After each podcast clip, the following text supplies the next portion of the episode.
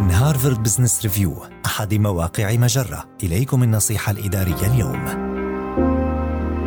طرق للتعامل مع ثقافة الجبن في الشركة التي تعمل فيها. إذا كنت تعمل لدى مدير يعاني من مشكلات مثل الرغبة في إسعاد الآخرين وتجنب الفشل والتهرب من اتخاذ القرارات الصعبة، ما يسبب فجوة في العمل، فنقدم لك إذن فيما يلي بعض الأشياء التي يمكنك فعلها لتجنب تداعيات العمل لدى مدير جبان. درس سلوك مديرك بدلا من إلقاء ألقاب السخرية عليه. فإن تقديم ملاحظات ذكية حول سلوك مديرك واستخدامها عند التفكير في اختياراتك الحالية أو المستقبلية يمكن أن يكون مصدرا قويا للتنمية والتطور.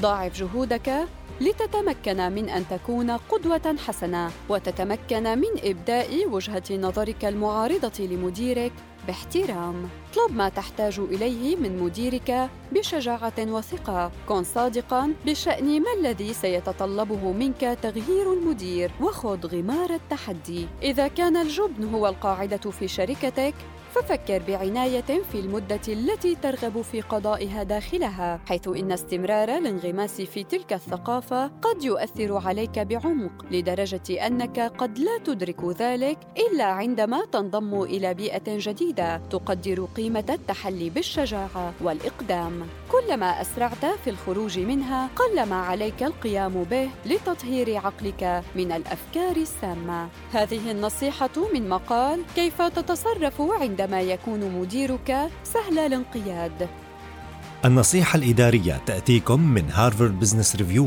أحد مواقع مجرة. مصدرك الأول لأفضل محتوى عربي على الإنترنت.